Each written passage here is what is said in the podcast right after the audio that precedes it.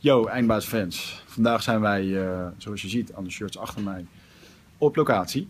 En eh, wij zijn vandaag, eigenlijk staan we in het kantoor van Toon Gerbrands. Toon Gerbrands is de algemeen directeur van PSV. En eh, we wilden hem eigenlijk bij ons in de studio hebben. Maar hij had geen tijd om naar Deventer te komen. Ah, makes sense. en ja, toen hebben we gewoon gezegd, dan komen wij naar jou toe. Dus here we are. En we staan hier in zijn kantoor. Not bad. Zit een beetje jouw kantoor, Michel? Oh, ik zou je zeker vrede mee kunnen hebben. Het enige wat ik nog een klein beetje mis is een driving range hier om die gast op dat grasmaaiers te kunnen raken. Dus jij wil eigenlijk gewoon golven vanuit je kantoor? Nou, dat is het enige wat dit kantoor potentieel nog iets beter kan maken. Nou goed, we gaan het zien. Eindbazen wordt gesponsord door Nutrofit. De webshop voor natuurlijke voedingssupplementen en trainingsmaterialen die je helpen bij het verkrijgen van Total Human Optimization. Nutrofit is hofleverancier van merken zoals Onnit, Natural Stacks en Bulletproof Coffee. Probeer onze producten zonder risico door onze money back guarantee. Bezoek ons op www.nutrofit.nl. Bestel je voor 9 uur 's avonds, dan zorgen wij dat jouw bestelling de volgende dag geleverd wordt.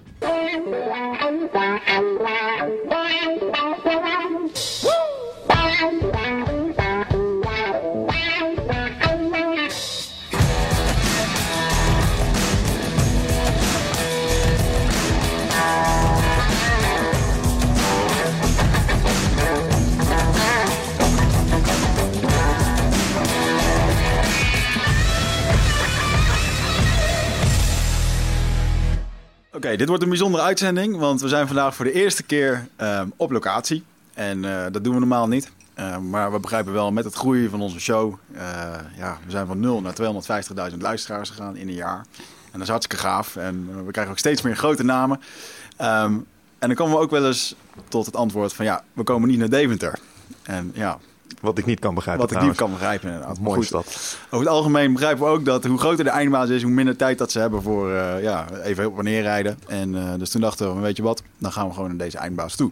Vandaag zitten we bij PSV en eh, met ons zit directeur Toon Gerbrands. Ja. Dankjewel, leuk dat je mee wil doen, dat ten eerste. De reden waarom ik jou eh, eh, graag in de studio wilde hebben, was omdat ik jou laatst zag spreken op een, op een evenement hier. Daar sprak je over leiderschap en ik vond dat je daar met een hoop charisma stond. Eh, daarom wilde ik je graag uitnodigen hier in de studio. Daar gaan we het vandaag uitgebreid over hebben. En wat mij eigenlijk het meest bij is gebleven, waar ik over na heb zitten denken, ook met dit interview, wat wil ik nou van weten? Ehm, hoe voelt het nou om als leider van een club eh, aan het hoofd van alles te staan? En eigenlijk, omdat er zo ontzettend veel publiciteit is in de media, om iedere week met je hoofd op het hakblok te liggen. Zo komt het op mij over Ja. wat jouw functie hier is. Ja, nou, zo ervaar ik dat dus zelf niet. Ehm, het is zo dat, ehm, kijk, wij zitten in een emotionele wereld. Eh, wij zijn een wereld waar elke dag zeven journalisten bij de training staan. Bij elke dag kranten worden volgeschreven eh, over een club als, als, PSV. En eh, er, zijn, er zijn twee principes. Kijk, op het moment dat we vijf keer winnen, dan is het dan weer geweldig. Eh, want onze winst- en verliesrekening is de ranglijst. Daar kijken mensen naar van. En als ik bij een benzinepomp kom en winnen drie keer, dan deugt alles weer. En op het moment dat je dus twee keer verliest, dan lijkt het weer nergens op. Ehm, het leiderschap eh, van, van de voetbalclub eh, betekent de euforie eruit halen en de put eruit halen. En als je daar tussenin begeeft, dan, dan ga je het redden. En anders ga je het dus niet redden. Want dan ben je afhankelijk van binnenkant paal of je goede leider bent, ja of nee. Nou, dat, daar geloof ik dus niet in. Mag ik, Ja. eh, mag ik daar wat over vragen? Je zegt de eh euforie eruit halen en de putten uithalen. Ja. Daar bedoel je mee dat op het moment dat we winnen, moeten we niet al te blij zijn met wat we gerealiseerd hebben. En op het moment dat we verliezen, moeten we ook niet te veel bij de pakken neer gaan zitten. Ja, in de stijl als leiderschap. Dus met andere woorden, van binnen voel ik echt wel wat, meer- wat, wat, wat, wat meer op het moment dat we winnen, zou ik eerlijk vertellen. Maar op het moment dat het echt te goed gaat, dan roepen we gewoon, nou, het valt een beetje mee. En als wij vijf keer verliezen en het zit helemaal tegen, dan ben ik de put aan het verhogen. En als je dat dus die leiderschapsstijl uitstraalt, dat betekent dat je ook niet op het veld moet staan als we landskampioen worden. Dus dan zie je mij niet met een schaal op het veld staan of een rondje lopen of in de buurt daarvan zijn. En eh, op het moment dat de, de, de, de put een keer er is, en dat maak je allemaal een keer mee, ja, dan heb je wat krediet om dan te zeggen, nou, jongens, het valt wel een beetje mee. Ja. Dus dat is, dat is een stijl. Ja, dat en, ik. eh, maar dat, dat betekent ook heel consequent moet uitvoeren. En ook het hele bijvoorbeeld mediabeleid eh, rondom leiderschap moet je ook gewoon managen. Het vergt volgens mij ook wel een redelijke sterke grip op je ego. Want ik kan me voorstellen dat op het moment dat je dan landskampioen wordt met z'n allen, dat je eigenlijk ook stiekem wel het feestje wil meevieren. Want van binnen Ja. ben je natuurlijk helemaal Nou ja, Dat- klopt. je zei het net zelf ook Ja, al. nee, dus, dus de binnenkant van de leider is wat anders dan de buitenkant. Hmm. En het allerbelangrijkste is denk ik nog eh, het managen van je eigen omgeving. Ja. Want ik kan dat wel op deze manier eh, een plaats geven. Maar mijn kinderen, mijn vrouw en iedereen die dezelfde achternaam heeft, die wordt erop aangesproken. Dus ook als die vier keer verliezen, dan, eh, dan deug ik ook weer een tijdje niet. En dan krijgen ze een spagaat dat ze hun vader of hun man eh, eh, ook moeten managen op een bepaalde manier. Want ja, hij is ook directeur van, van een voetbalclub. Ja. Hoe manifesteert zich dat? Worden ze dan echt gewoon in de supermarkt op aangesproken dat het gewoon knut is? Ja. Echt waar? Ja. Wauw. Ja, nee, maar dat, dat geeft ook niks. Dat, dat leren ze ook wel na een tijdje. Mhm. Dus eh, je betaalt namelijk een prijs eh, in positieve en negatieve zin eh, voor bepaalde functies die je uitvoert. Ja. En ja, als je bij zo'n club zit, je, hebt, ja, je bent een soort, of een soort boegbeeld of een gezicht. En dat gezicht, dat brengt plus en minder met zich mee. Ja. Op alle gebieden hoor. Want ook op het gebied van het glazen huis. Dat, eh, ja, ik kan me niet permitteren om één slok eh, alcohol op te, op te hebben in een auto. Ja. Ik sta op de voorpagina van Telegraaf dat ik als directeur van PSV ben gepakt. Ja. Dus, eh, dus ook dat soort dingen gebeuren. Dat lijkt me wel eens moeilijk. Nee, dat is, dat is voor mij niet zo moeilijk. Dat heeft met mijn karakter te maken. Ik realiseer me elke dag wel welke functie ik ben. Voorbeeldgedrag wordt van leiders gevraagd.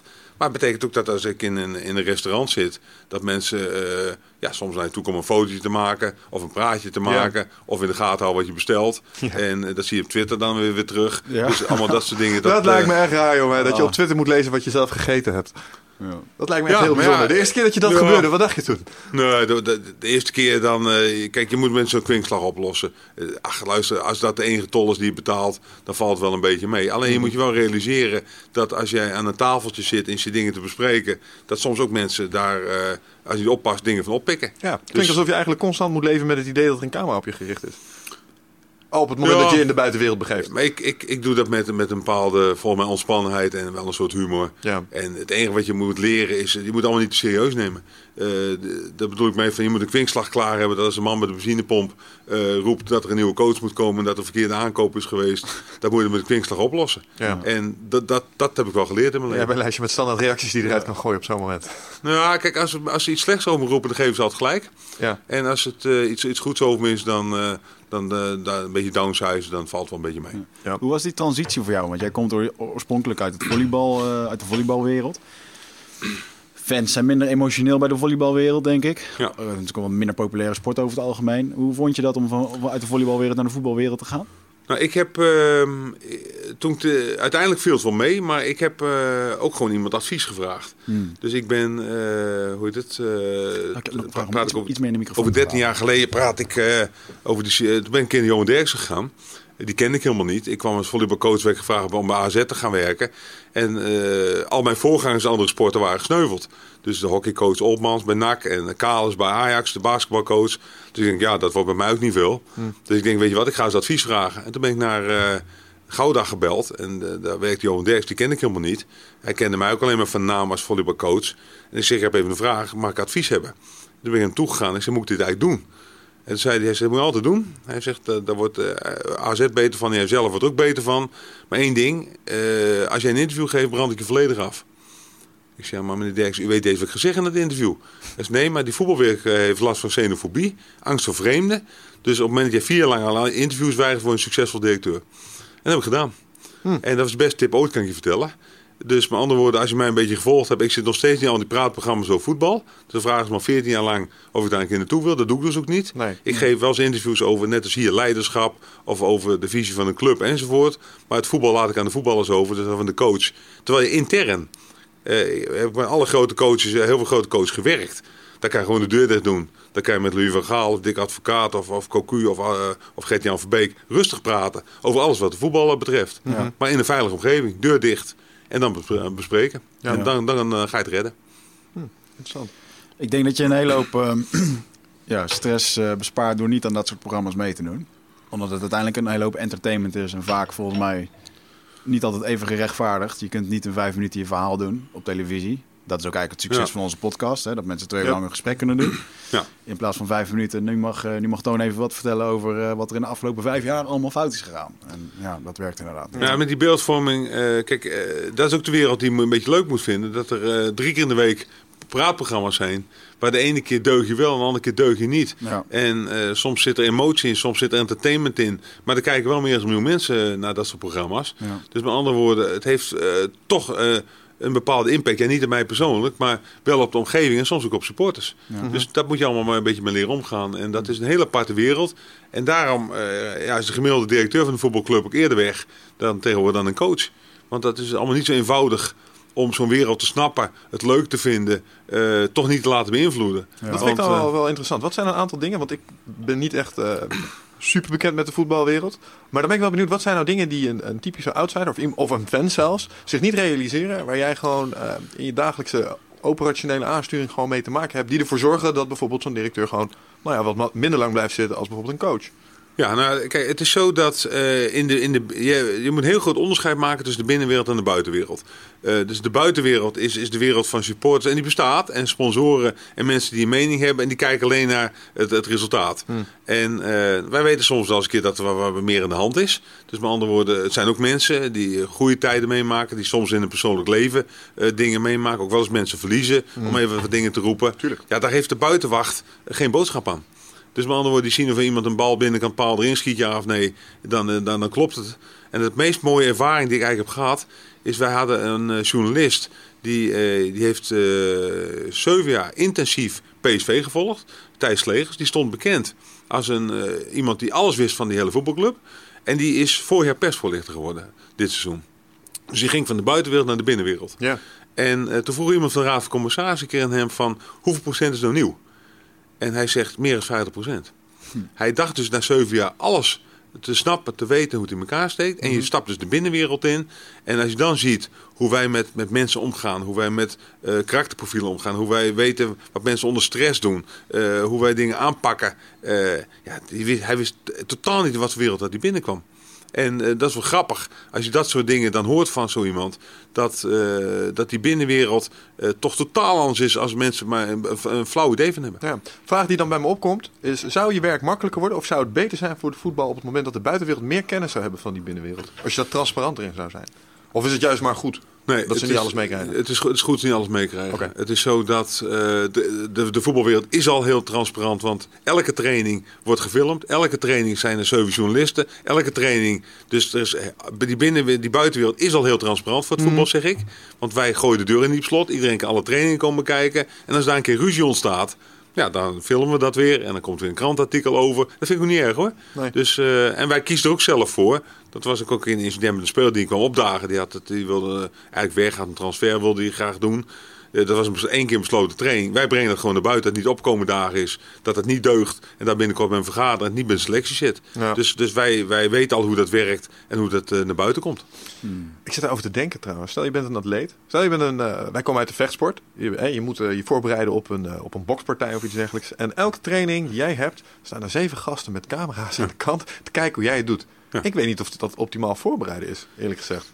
Nee, maar dat is. Dat doet eh, iets met je, denk ik. Het is kijk, het is de haat-liefde verhouding in, in deze wereld. Eh, als je veel publiciteit krijgt, grote sponsoring en veel aandacht, eh, verdien je gewoon meer. Want de vechtsporter doet er misschien wel meer voor nog dan misschien wel de voetballer. Hmm. Alleen, ik weet vanuit de judo-sport dat als je daar 10.000 euro per jaar krijgt, dat ze de vlag uithangen. Ja. En bij, bij volleybal was het misschien 5 of 20. En bij voetbal word je miljonair. De, en dus met andere woorden, je moet er ook niet over piepen. Want eh, op die manier kan je daar een professioneel vak van maken. Dus met andere woorden, eh, hoeveel tijd je erin steekt, eh, daar betaal je ook een bepaalde tol voor. Doordat iedereen daar zit. En je moet het maar gewoon voorstellen dat, eh, dat jullie vanaf nu dagelijks worden gevolgd. Door zeven man. Ja. Die gewoon met jullie op pad gaan. En die dan alles registreren wat je doet. Dus als je onderweg even stopt eh, en de volgende dag heb je het niet goed voorbereid. Dan staat in één keer in de krant van niet goed voorbereid. Voorpagina Telegraaf. Eh, voorpagina staan. Hoeveel miljoen was dat? ja, maar dan, dan, dan ga je merken dat dat ook iets met je gaat doen. Ja. dat denk ik ook wel. Ja, dus met andere woorden denk ik, volgende keer moet ik toch anders doen. Want zo schrijven ze over mij. En eh, op welk moment heb ik dan rust? Ja. Eh, mogen ze hier nog bijzetten met zeven man? Eh, roepen ze dan, nou, die, die vragen ze niet goed. Of je hebt niet goed voorbereid. Of, eh, dat, dat is dan wat er gaat gebeuren. En dan hebben we nog twee praatprogramma's die dan even gaan analyseren. Elke week even voor, het, voor een miljoen mensen wat jullie daarvan vinden. Nou, en dan gaat het nog over de vakinhoud ook, namelijk het voetballen. Maar volgens mij zit er ook nog een ander aspect aan. Als je namelijk maar een bekend genoeg voetballer bent, dan volgens je ook gewoon in je hele rij. Nou ja, je omschrijft het zelf al. Ben je lekker uit eten, privé met je gezin? Wordt er vastgelegd wat je aan het doen bent. Nou ja, kijk, het is, eh, er stond het laatste verhaal in de krant over Ronaldo in Madrid. Die dan een heel restaurant afhuurde eh, om met zijn vrienden uit eten te gaan. Dat, dat kan je natuurlijk zeggen, dat is vrij belachelijk.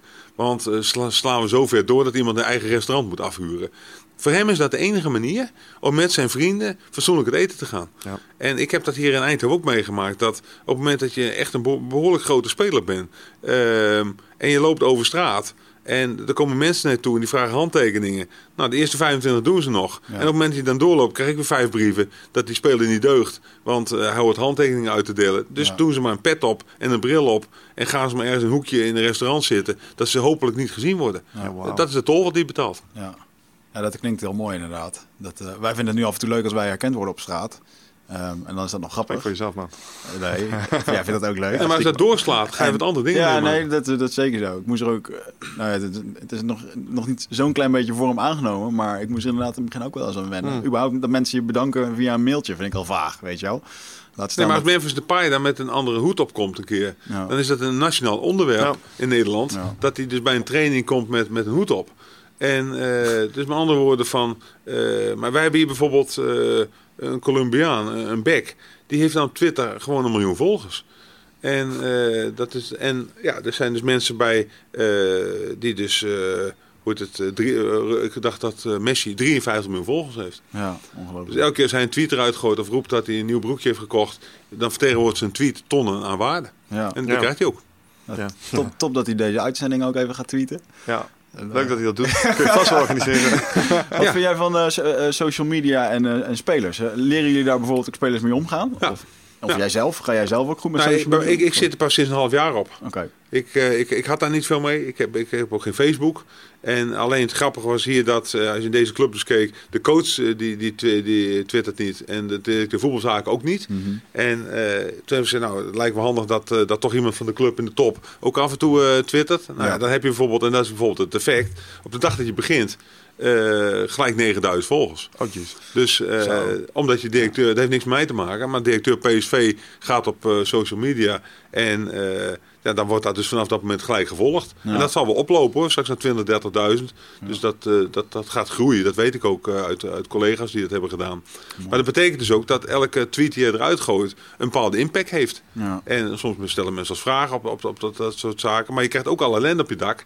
Dat op het moment dat er dat minder gaat, ja, dan hebben dus ook eh 10.000 mensen de ruimte om te roepen dat er verkeerd ingekocht is. En dat het, de coach niet deugt en Ja. eh, dat de organisatie weer niet deugt. Dus da- daar vang je ook wel heel veel emotie mee af. Ja.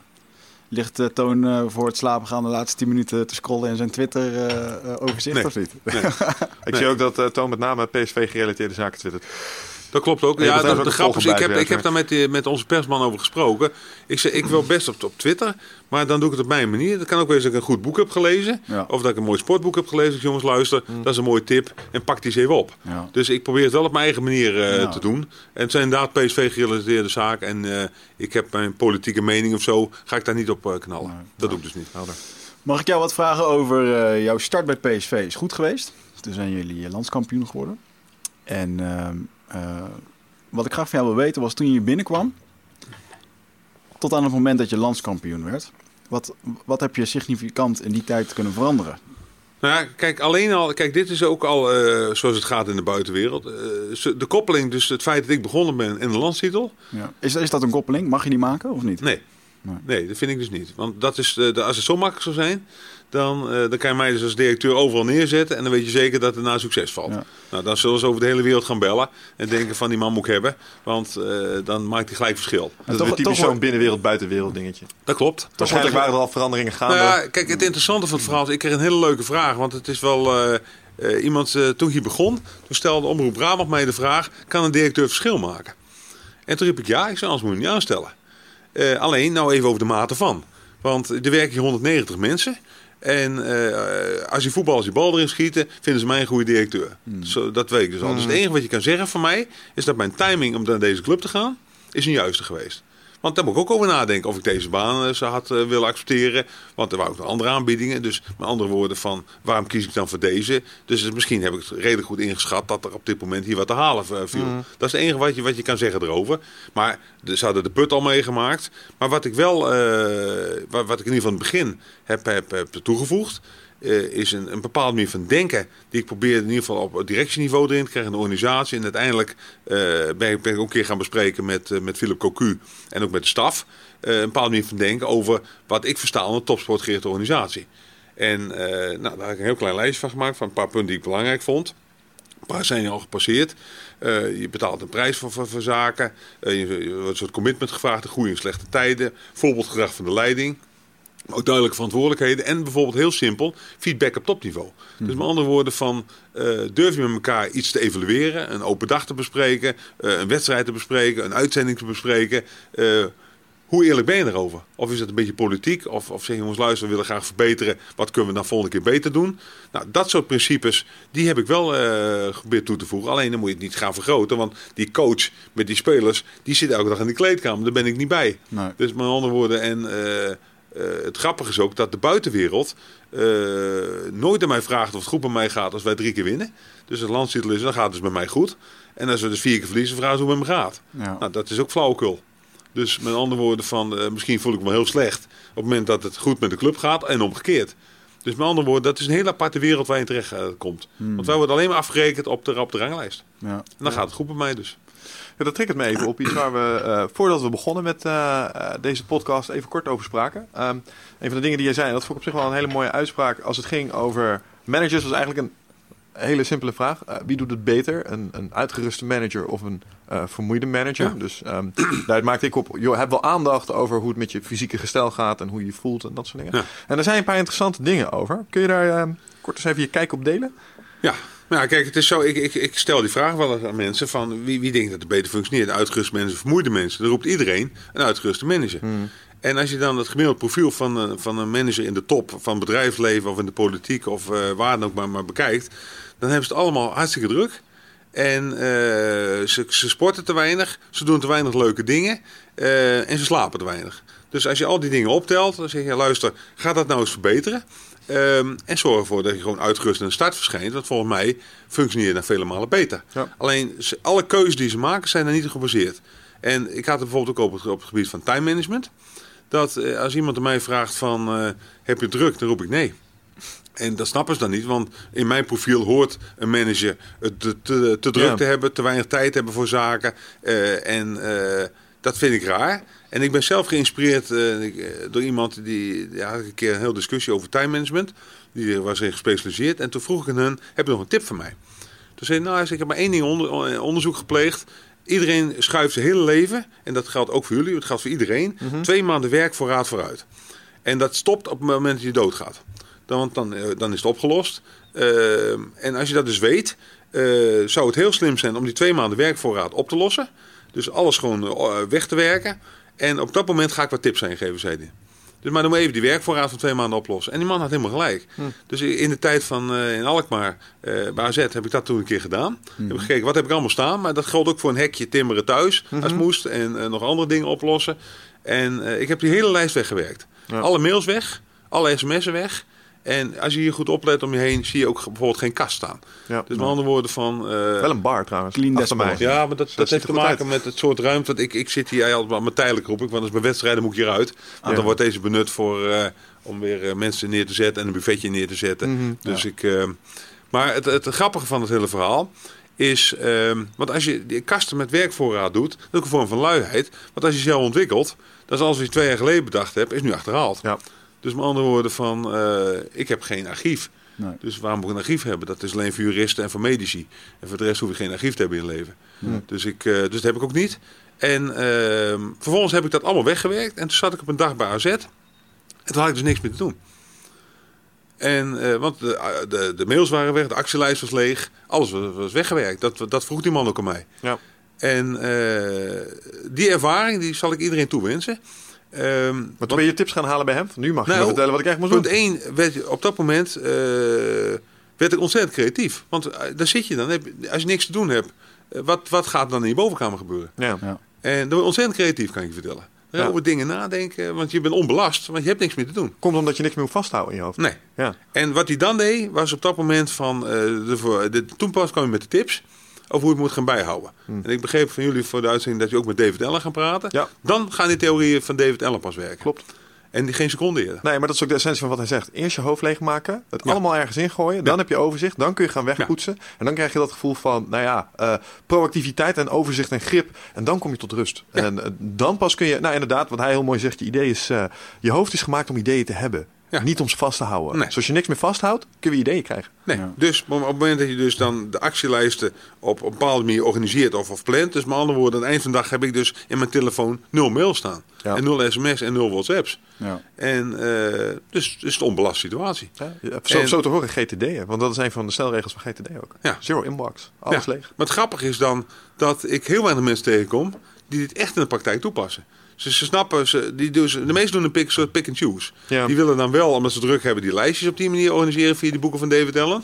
Maar uiteindelijk de, de, de, de echte stap die moet maken, die maakt niemand. Ja, maar dat is het uitstelgedrag. Want ik, eh, ehm, ik help mensen wel eens bij dat soort lijstjes opstellen. En dan eh, zie ik de meest prachtige implementaties van lijstjes. Maar Ja. er staan allemaal dingen op die gewoon drie, vier weken geleden al gedaan hadden kunnen eh, worden. Ja. Eh, dus die mensen die stellen zich gerust met de lijstjes, maar ze gebruiken hem niet als het instrument waar die voor bedoeld is. Namelijk om daadwerkelijk dingen Nee. te doen. En Dus ik, een denk dat, en ik denk dat de meeste mensen aanvliegt dat ze denken dat ze niks meer te doen hebben. Ja. Hmm. ja, ik denk dat En dat klopt. dat, dat is heel apart. En als je dat vervolgens dan nog eh, op een slimme manier managt. eh, want dat is eh, een van de redenen dat jullie hier zitten. Is dat ik kon twee dingen doen. Ik kon naar jullie toe rijden. Dan ben ik twee uur heen, Mhm. twee uur terug, drie uur uit. Dan ben ik een dag kwijt. Ja. En ehm, kijk, als je dan zegt, luister, ik, ik, wens me, ik ben directeur bij PSV, dus ik, eh, ik moet hier functioneren. Wij spelen zondag tegen Feyenoord. Eh, dus misschien is er straks nog wat, misschien moet ik even naar de hertgang. Als ik dan ja, keurig bij u in de uitzending zit, dan ben ik zeven uur verder. Ja. En dus kies ik ervoor van ja, of we doen het niet, of jullie beslissen hier naartoe te komen. En dat is een van de redenen dat jullie hier nu zitten. Mhm. ja. Ja, hiermee graven we een klein beetje ons eigen graf. Want elke gast vanaf nu die dit ooit gaat horen, die gaat alleen precies de dezelfde houding eigen stadion. Laten we dat Ja, dat, die, afspreken. met een kantoor Nee, in een maar- stadion. dat nee, vind ik wel een goeie. Ja. Nee, maar volgens mij, ehm, op het moment dat jullie besluiten vaak op locatie te zitten, kom je op hele andere omgevingen terecht. Ja, dat ga je hele andere mensen ontmoeten en gaan jullie eh, groeien. Dus ik, eh, want als je alleen maar in de vaste studio zit, dan kom je niet ver. Ja. Daar heb je wel interessante mensen, maar ik zou zeggen, ga eens wat verder kijken en laat je dan ook gelijk eens even een half uurtje rondleiden in het bedrijf. Ja, dat is een goede tip. Wat doe je nou? Wat ik hier nou? Ja, onze voor de rondleiding. opleiding. Oh, zo bedoel je? Nee, die, eh, ik kan iemand anders vragen om even een rondleiding Nee, te dat geven. dat Ja, mag. leuk. Hey, of je ehm, langs de hertgang straks. Die training is openbaar. Dankjewel. Ja. Ehm, nog even terug naar dat eh, uitgeruste managers versus vermoeide managers. Eh, je had het over eh, een aantal dingen die, die bij mij heel erg resoneren. Is over sport, eh, voldoende slaap. Nou, voeding hoort daar denk ik ook wel bij. Mag ik vragen, hoeveel uur slaap pak jij per dag? Ik, eh, ik heb een schema dat ik per, per dag 7 uur slaap. En dan heb ik op zaterdag één keer nodig tot 10 uur. Oh, leuk. En eh dat moet ik ook geen tweede dag doen, dat weet ik ondertussen uit mijn schema. En het grappige is ook, dat is ook zoiets wonderlijks, dat, eh, dat, dat heb ik ook in de sport. eh, ik ben ook in Australië geweest en toen kwam ik iemand tegen die verstand van slaap had. En toen vroeg hij mij van, hebben jullie door wat je slaappatronen zijn? En hoe dat in elkaar steekt? Hoeveel uur slaap je nodig hebt enzovoort. En nou, ik probeerde nog een beetje uit te redden, maar die man zei op een gegeven moment tegen mij, ik heb wel door, dat weet u dus niet. En eh, toen zei hij er eh, iets bij, en dat was een interessante opmerking, ook een soort letterlijk een wake-up call. Hij zei, het is een derde deel van uw leven, interesseert u dus niet. Want een derde deel van je leven slaap je. Ja. Ja. ja, dat is gigantisch. En eh, daar waren ze heel ver in, in, ook in de sport daar. Maar ook in het kader van, van eh, managers enzovoort. Ehm, en we hadden het net over de uitgeruste manager. Op het moment dat jij dus één uur extra je slaap doet, neemt je productiviteit gewoon 20% toe. Ja. Dus met andere woorden, van het allerbelangrijkste is slapen. Ja. En, eh, maar als je dan kijkt wat voor soort bedden mensen soms hebben, ook topmanagers, je moet dus de Rolls Royce onder de bedden hebben. En als je dat aan iemand vraagt, weet niemand dat natuurlijk. Want ze Ja, kunnen- hoe heette die ook alweer? Dat zijn die bedden met die eh, geblokte matrassen erop. Dat Hastings. Zijn, juist, Ja, dat ja. zijn een hele goede bedden te zijn. En als je dan ook nog een keer een baan hebt die stressig is of niet leuk is, dan ben je dus... Ja, gewoon dubbel tweede, het van je leven ben je aan het eh, verpesten. Ja, dat klopt. Nee, en dus het is ook onbegrijpelijk dat bijvoorbeeld zware onderhandelingen, of het nou eh, in, de, in de Europese gemeenschap is of in de politiek, Hmm. ja, dat is het, het, echt het voorbeeld hoe het dus niet moet. Dus te lange vergaderingen, Ja. eh, Ja. te kort slapen. Of een eh, illustratie waarom je er juist voor moet zorgen. Want op het moment dat jij in zo'n onderhandeling terechtkomt, maar jij bent wel de gast die structureel op tijd naar bed gaat, zijn lichaam verzorgt, Ja, goed eet, dan ben je daar wel de fitste en waarschijnlijk het scherpst. Ja, dat klopt. Ik heb ooit met, eh, bij AZ toen met de curatoren moeten werken, omdat eh, de eigenaar toen wegviel en die club te koop stond. Eh, ik ging gewoon weg om hard en, eh, en als ik bijvoorbeeld, eh, kijk ook bijvoorbeeld, ja, het zijn allemaal keuzes die je maakt, maar daar moet je allemaal over nadenken. Het met een bepaalde manier van denken te maken. Op het moment dat ik word gevraagd om ergens bij, of bij een Rotary of iets anders een keer een praatje te houden, ik eet nooit mee. Dus ik, ik wil het praatje van houden. Als het een keer uitkomt, omdat het voor het goede doel is of voor iets anders, of weet ik het allemaal niet. Maar als ik elke avond eh, ga zitten eten, dan roep ik, ik, vind het gewoon leuker om, eh, hoe heet het, nu te gaan hardlopen. Ja. Ja. En eh, dat doe ik ook drie keer in de week. Ik dacht heel even dat je ging zeggen, omdat wat ze aanbieden op die buffetjes over het algemeen niet in mijn eetpatroon past. Want dat Nou, is waarom nou ik nog ja. wel eens niet mee eet. Dan staan Nou er ja. allemaal van die witte broodjes zo. Dan denk ik, ja, schijnig. Maar eh, dat gaan we niet doen, want Ja. dat gaat een bloedsuikerdip veroorzaken. Nee, dat, dat is één. En het tweede punt is dat eh, er vaak eh, alcohol in het spel komt. Het is voor die mensen een leuke avond. Ja. Dat begrijp ik allemaal wel. Eh, alleen als ik dat dan vier, vijf keer doe, ja, dan. eh, dat is- en zonde van mijn tijd. Ja. Eh, dus ik probeer daar een hele slimme modus in te vinden. Eh, en ik wil best een keer het eten. En eh, als het een keer leuk is, dan is het ook allemaal prima. Ja. Maar ook daar probeer ik dan, ja, of een soort persoonlijkheid is, of de, duidelijk de keuze uit te leggen. En het grappige is dat ze allemaal heel apart, maar ook die, die topmensen die er zitten, allemaal een beetje jaloers erop zijn. En terwijl ze eigenlijk zelf heel erg in de hand hebben, dat ze even moeten nadenken. Ja. Dat als een keer naar de bioscoop gaan of een keer wat leuks of een leuk boek, dat, dat ze tot veel betere inzichten komen dan alleen maar hard te werken. Is, is dat niet ehm, ook een beetje gekoppeld aan een van jouw principes eh, over voorbereiding? Waar ik jou ook heb over horen spreken. Ja. Dat eh, jij trekt de vergelijking tussen voorbereiding in het topsport en voorbereiding in het bedrijfsleven. Ja. Kan je die eens toelichten? Ja, Zit jij eh, vaak in je hoofd? Eh, neem je heel veel informatie tot je video's, podcasts, boeken? Eh, nou, voel je niet schuldig, dat doen heel veel mensen natuurlijk. Hè, maar vaak zijn we op zoek naar antwoorden. Eh, gaan we nog meer informatie tot ons nemen. Terwijl ja, de antwoorden liggen toch echt in onszelf. En dat is iets wat we voelen met ons lichaam. Maar vaak zijn we zo erg in ons hoofd bezig ja, dat we dat ook niet meer, dat we daar niet meer echt goed bij kunnen. En dat is graag waar ik je voor uit wil nodigen. Voor Rite of Passage. 24, 25 en 26 mei is er weer een nieuwe editie voor mijn retreat voor persoonlijke ontwikkeling. Waarbij het thema echt is om uit het hoofd te komen in dat lichaam. Want dat is waar je alles ervaart. En ik wil dat je gewoon weer in contact komt met, met die, die intuïtie. Ehm, en dan gewoon een heel sterk eh, innerlijk kompas. Dat je gewoon weer weet waar je naartoe moet, wat je te doen staat. En dat je gewoon weer helderheid hebt over wat je wilt en hoe dat je dat gaat doen. En dat doen we middels eh, bio-energetische oefeningen, dynamische meditaties, een stuk shamanisme zit erin. Het enige wat er bekend is van het programma is dat er een zweethut in zit. Eh, en natuurlijk gewoon hands-on persoonlijk leiderschap. Eh, dit retreat krijgt een 9,2 gemiddelde van meer dan 331 deelnemers. Daar ben ik ontzettend trots op.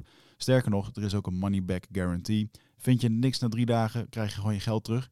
Dus het enige risico dat je loopt, is dat je gelukkiger wordt. Klinkt dit als iets voor jou en durf je het aan? Dan zie ik je op Ride of Passage. Ga naar wichertmeerman.nl en klik op Retreat. Nou, het is zo, er werd mij ooit een keer in een interview werd mij gevraagd van eh, wat, wat ik het verschil vond tussen topsport eh, en het presteren in bedrijfsleven. En toen zei ik, luister, de topsport is 80% bezig met voorbereiding en 20% met presteren. En eh, dus wij, wij zijn heel lang bezig met allerlei voorbereiding voor een wedstrijdje hebben, ja of nee. In het hele seizoen zijn we met allerlei voorbereidingen bezig. Als je het onderzoekt, is dat ongeveer de verhouding. In het bedrijfsleven zijn ze 90% bezig met presteren. En toen zet ik een vraagteken bij de voorbereiding. Ik zeg, wat is voorbereiden?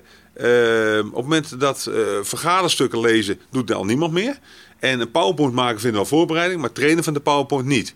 En eh, laat staan nog even nadenken over welke vragen dat er gaan komen. En ik zeg, de eerste eh, bedrijven die gaan verschuiven van iets meer voorbereiding naar alleen maar presteren, die gaan winst boeken. Dus al is maar 10, 15 procent, gewoon eens nadenken, waar ben ik mee bezig, Eh, hoe ga ik dit nou aanvliegen enzovoort. Ja, daar, daar ligt heel veel braak, eh, terreinbraak waar het bedrijfsleven heel veel kan winnen. Ja. En dat, dat doet me ook een beetje terug eh, eh, denken aan een opmerking van jou over een sollicitatiegesprek. Het eerste gesprek wat je met iemand hebt. Ja. Eh, dat is voor jou heel belangrijk, hè?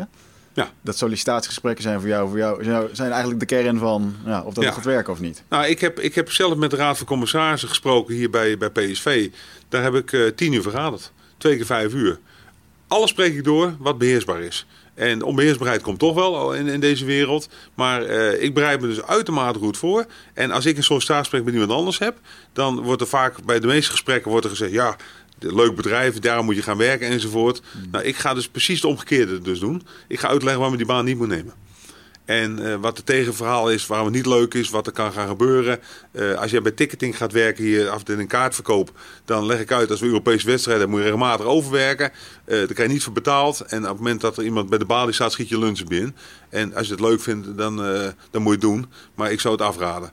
En eh, heel veel van die, van die bedrijven doen het omgekeerd. En hetzelfde geldt met functioneringsgesprekken. Ehm, ah, ik vraag altijd mensen van, heeft u met uw kinderen ook functioneringsgesprekken? Dan roepen ze allemaal nee. Ik zeg, waarom doen we dat dan wel in het bedrijf? Ik doe dat ook niet.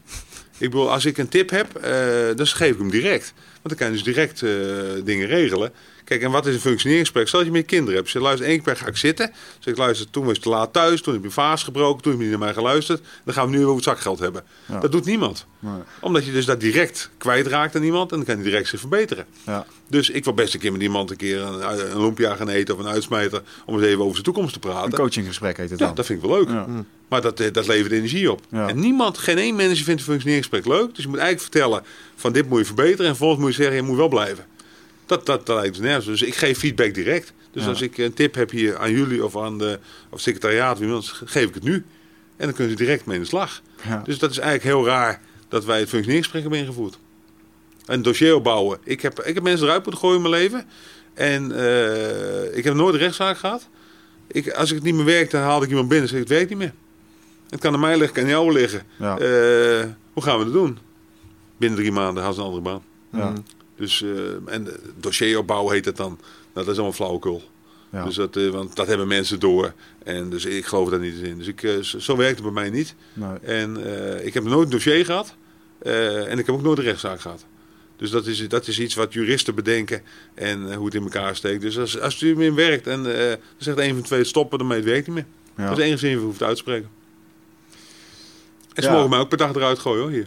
Het is, eh, eh, je bent lekker direct. Een andere quote van jou die ik daarbij ook hoorde was dat eh, excuses bestaan niet in topsport. Nee, dat, dat, En, dat is hier wel ingevoerd bij, bij, bij PSV. Die waren er. Kijk, de, ja, de grap is op het moment dat ik dus een excuus opvoer. En ik zal twee noemen in onze. Als ik de scheidsrechter de schuld geef van nederlaag. hoef ik dus niet meer met de spelersgroep te praten. Want dan is het dus helder. Dat de scheidsrechter schuld heeft. Dus waarom zou ik dan nog evalueren? Ja. Waarom zou ik mezelf nog verbeteren? Want ik heb een schuldige gevonden. Nou, datzelfde geldt voor spelers die geblesseerd raken. Dan eh, zeggen ze ja, de, de beste speler was niet bij. Dat, dat klopt. Nou en? Dan, daar heb ik het dus niet meer over. De vervanger, we hebben niet voor niks selectie van 20 man. De vervanger heet dan, eh, heeft een andere naam. En dan gaan we onze energie insteken. En de eerste beste die roept, ja, maar hij was er niet bij. Heeft dus een excuus opgevoerd. Ja. Dus, ik, eh, dus excuses, die, die, iedereen die in mijn omgeving werkt, die bestaan dus niet. Dus als mensen te laat komen, dan gaan ze maar fileren. Dus ik, dat is ook een excuus. Dus, ik, eh, dus dat gebeurt mij niet. Nee. Maar dan moet ik zelf ook voorbeeldgedrag vertonen. Dus dat is altijd de pest van dit soort dingen. Dan moet je zelf altijd op tijd zijn. Ja. En dat ben ik ook. Is dat voorbeeldgedrag, eh, want ik, ik probeer even te begrijpen hoe dat de organisatie hier werkt. Dat voorbeeldgedrag wordt, we zitten nu in het kantoor van PSV.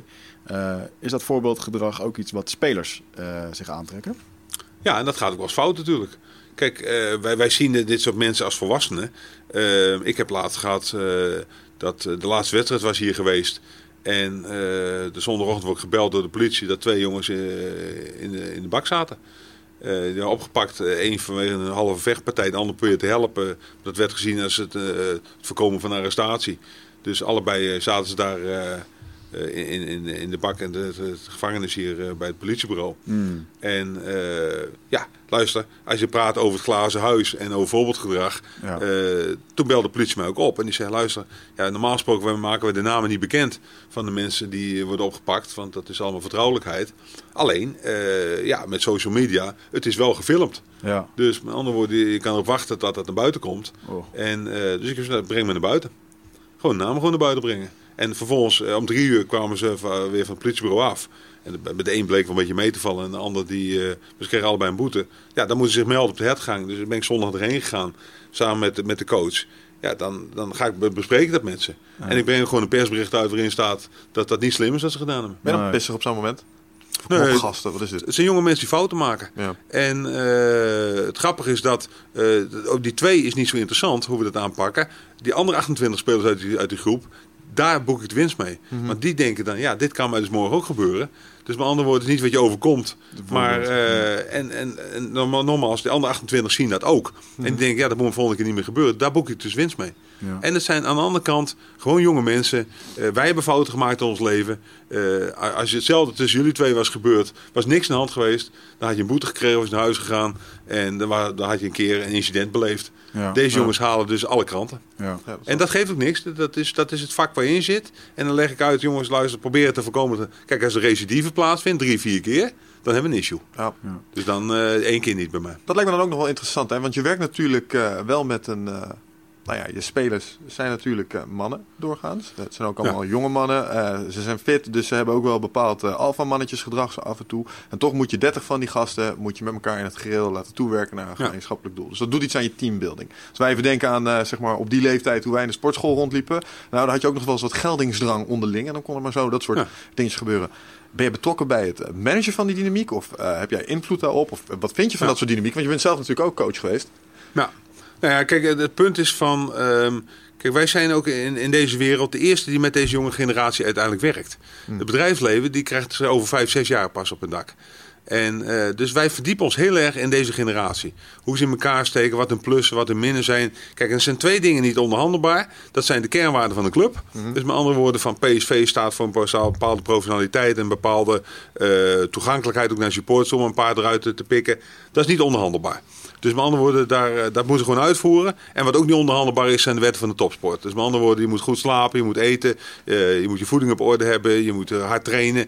Niet onderhandelbaar. Non-negotiable, zeggen ze in de Amerikaanse topsport. Dat is een mooie kreet. Waar wij ons moeten aanpassen, is snappen wie ze zijn. Dus met andere woorden, van eh, deze hele Y- of Z-generatie zoals die in elkaar steekt, daar zijn wij specialisten in. Wij snappen hun, wij weten hoe ze in elkaar steken. Eh, een van de dingen is dat ze uniek willen zijn. En eh, als je uniek wil zijn, dan heb je dus tattoos, dan heb je gekleurd haar en roze schoenen. Nou, dat vindt de oude generatie belachelijk. Ja. Want, eh, en die hoed van uh, Memphis Depay waar ik net over had, dat is ook een vorm van uniek zijn. En er was op een gegeven moment één speler bij, die had dan geen tattoos. En uh, hoe heet het? Die had weer een gouden tand om uniek te zijn. Dus zo is er altijd wat. En het grappige is, je moet je interesseren in mensen. En ik, ik, het was een keer een man bij, die kwam bij mij en zei, luister, die tattoos hebben, heeft uw generatie oordeel over. Vraag nou eens even na naar de keuze van de tattoo. En dan krijg je uh, hele grote verhalen te horen die indrukwekkend zijn over het algemeen. Ja. En uh, dat doe ik dus ook. Ja. Dus, ik, uh, dus ik vraag mensen van, uh, wat is dat voor tattoo? Ik had laatst een speler, die had een hele grote uh, tattoo op zijn hand. En die, die kwam bij me zitten, zoals iemand anders zat erbij. En die had er een vooroordeel over, over die tattoo. Ik zeg, maar mag ik eens vragen, wat staat er op die, wat, wat is het nou voor tattoo? Dat was een oog. En ik zeg, maar waar, waarom heb je ervoor gekozen? En waarom in het zicht? En waar komt het vandaan? Ik zeg, dat is, dat is het oog van mijn oma. Hij zei, ik ben, ik, heb nog, ik ben nog wat mensen verloren in mijn leven. En mijn oma is altijd mijn steun geweest. En die is ook overleden. En zij is het oog en ze houdt me elke dag in de gaten. Als ik het even moeilijk heb, dan kijk ik er even naar. En dan, uh, dus dat is een ander verhaal. Dat is toch mooi? Ja. ja. Nee, dus, dus je moet je ook een beetje verdiepen in die mensen. Eh, ook in die spelers over hoe ze dus denken. En hoe ze in elkaar steken. En bijvoorbeeld in de politiek.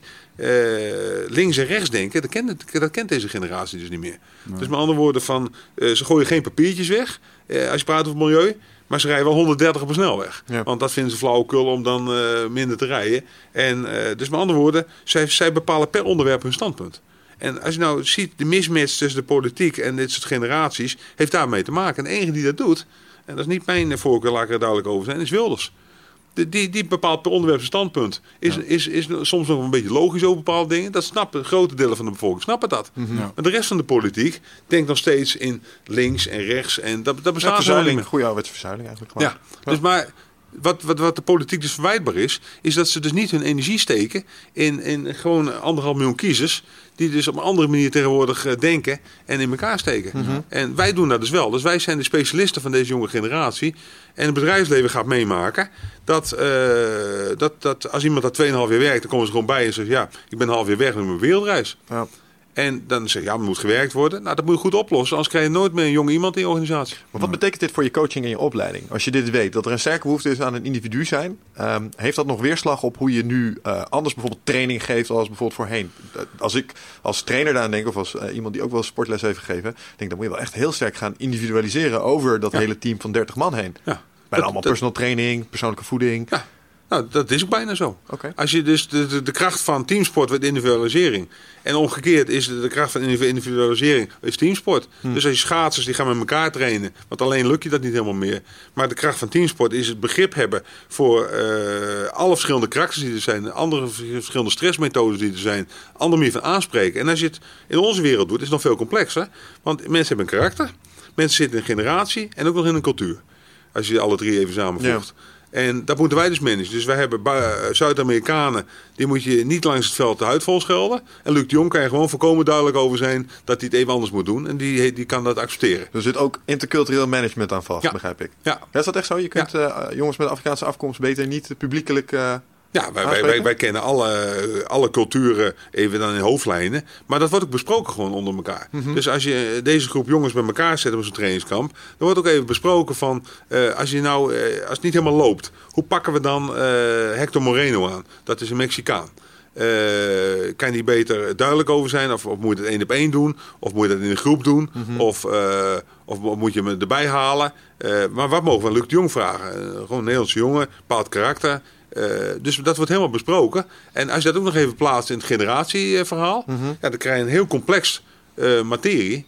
eh, maar waar het individu dus centraal staat. Ja, en hoe zit dat met je, met je coaches en je trainers? Hoe zorg je dat die daar... Doen die dat gewoon door ervaringsdeskundigheid op te doen... en het gewoon gaandeweg te ervaren en zich aan te passen? Of ga je ook proactief die mensen daarvoor Nou, opleiden? Kijk, dit is nou een heel mooi voorbeeld van iemand die dus van de buitenwereld naar de binnenwereld gaat. Ja. Dus met andere woorden, van iedereen heeft een oordeel over de voetballers. En de ene keer dan eh, deugt het kapsel niet. En de volgende keer dan hebben ze een verkeerd interview gegeven. En de volgende keer schoppen ze die bal niet in. Kom in die binnenwereld, dan zie je inderdaad eh, dat ook coaches dus continu bezig zijn om die spelers te snappen, te begrijpen, te raken. eh, maar ook bijvoorbeeld gewoon, eh, ja, om maar te zeggen, zichzelf ontwikkelen in dat hele generatieproblematiek. Ja. En dat geldt ook voor coaches als, eh, als Louis van Gaal bijvoorbeeld. Hoor. Dus die, daar heb ik ook vier meegewerkt. Die snappen heel goed die, die jeugd hoe ze in elkaar steken. En die weten echt wel dat ze over bepaalde dingen niks moeten vinden. En andere dingen er gewoon bovenop moeten zitten. Dus dat, daar, daar, daar ontwikkelen wij ons als, als club, maar ook als managers en ook als, als, als coaches heel erg in. Ja. En, ehm, en wij hebben natuurlijk zoiets van het apart in onze wereld. Dus we hebben een hele aparte bedrijfstak. Want hier verdienen de werknemers meer dan de directie. Dat is al één kant van het Ja. verhaal. En het tweede is, als zij die bal erin schieten, vinden ze mij een goede directeur. Ja. Dus als zij functioneren, functioneer ik. En ik heb al lange keer geleerd in, in welke organisatie ik zit. Ik heb hier 190 mensen werken. Als 189 mensen hun best doen en ik niet, vinden ze mij een geweldige directeur. Ja. En omgekeerd werkt dat dus niet. Ja. Dus met andere woorden, ik heb er echt wel door eh, dat als de rest eh, de manier van denken klopt, de organisatie staat, dat als iedereen functioneert, dan vinden ze mij een goede directeur. Ja. Dus ik bedoel, eh, dat, dat realiseer ik, mijn deur staat open en dat betekent heel veel Ja, coaching. dat is ook je rol natuurlijk. Ja, heel veel coaching. Hey, nog een volvraag op waar we het net over hadden. Want we hadden het net over de verschillen tussen bijvoorbeeld de, de, de huidige generatie en de voorgaande. En dat trainers en coaches daar naartoe moeten werken. Uh, je noemt een aantal uh, namen van uh, topsporters en grote coaches waar je mee hebt samengewerkt. Als je nou eens kijkt, enerzijds naar de verschillen, maar aan de andere kant ook naar, aan de andere kant ook naar de overeenkomsten. Als je nou kijkt naar hè, goede oude voetballers versus ja. de nieuwe generatie, versus coaches die ermee te maken hebben. Wat zijn de overeenkomsten die die mensen hebben? Want het vergt wel iets van een persoon om op dat niveau te kunnen presteren, denk ik. Ja, ja kijk, het is zo dat uh, als je al die coaches op, op, op een rijtje zet, uh, waar je dus mee gewerkt hebt, waarom zijn nou bepaalde coaches allemaal succesvol en anderen dus niet? Hmm. Dat is een interessante vraag. En dat, dat kan, dat kan dus ook voor, voor management uh, die, die vraag gaan, gaan stellen. kijk, het is zo dat deze mensen die gaan allemaal, die maken een keuze voor iets en die gaan er volledig voor. En um, op het moment dat zij dus inderdaad een groep mensen kunnen raken, word je succesvol. En ja. um, kijk, en of je nou praat over, wat ik, noemde het heel rijtje namen op van, van, allemaal, uh, van allemaal coaches. Allemaal snappen zij de basisprincipes van het laten functioneren van groepen. Teamprocessen, hoe dingen in elkaar steken. En dat moet je leren hoor, want coaching is ervaringsvak. Dus iemand die er zomaar instapt, dat is gewoon kansloos. Zal vaak aan je bek gaan. Ja. Ja, want dat zou dus betekenen dat het geen serieus vak is. Dus even, nou, ga jij ervoor staan, jij gaat ervoor staan. En dan moet je een beetje verstand voetbal hebben, kom heel eind. Ja. Nou, dat is niet meer zo, want uh, er, er zijn rondom... Uh, ook rondom, rondom zo'n ploeg. Er zitten gewoon uh, 10, 12 specialisten om, uh, in, in zo'n staf. En het grappige is ook dat de informatie is natuurlijk in de hele wereld neemt gigantisch toe. En uh, wat wij dan noemen, wij werken dan wel eens een keer met, uh, met, met een soort, wat we noemen een soort T-profiel. Uh, die moeten van bepaalde dingen heel veel verstand hebben en van bepaalde dingen wat minder verstand hebben. Maar wel op een dusdanig niveau dat je in discussie aan kan gaan. Ja. Nou, en, en, mensen die dus op dat niveau terechtkomen, zijn breed geïnteresseerd. ik durf te zeggen dat ze nieuwsgierig zijn. dat ze zichzelf goed leren kennen in de loop van de tijd. En dat ze in bepaalde dingen eh, een topfiguur eh, ergens in zijn. En dat geldt misschien ook wel voor, voor mij. Dat geldt misschien wel voor andere eh, managers. Dat als je alles wil weten, dan eh, veel succes. Dan red je het dus niet meer. Ja, maar een element wat je er wel in benoemt is volgens mij... je moet wel enige mate van multidisciplinairheid hebben eigenlijk... om de andere specialisten in je team goed te kunnen begrijpen. Je moet Ja. wel snappen, je hoeft geen specialist zijn... maar je moet wel begrijpen wat ze zo'n beetje zeggen, denk Ja, ik dan. dus zijn het harde werkers, dus zijn mensen die zich interesseren en zijn het over het algemeen allemaal mensen die investering plegen.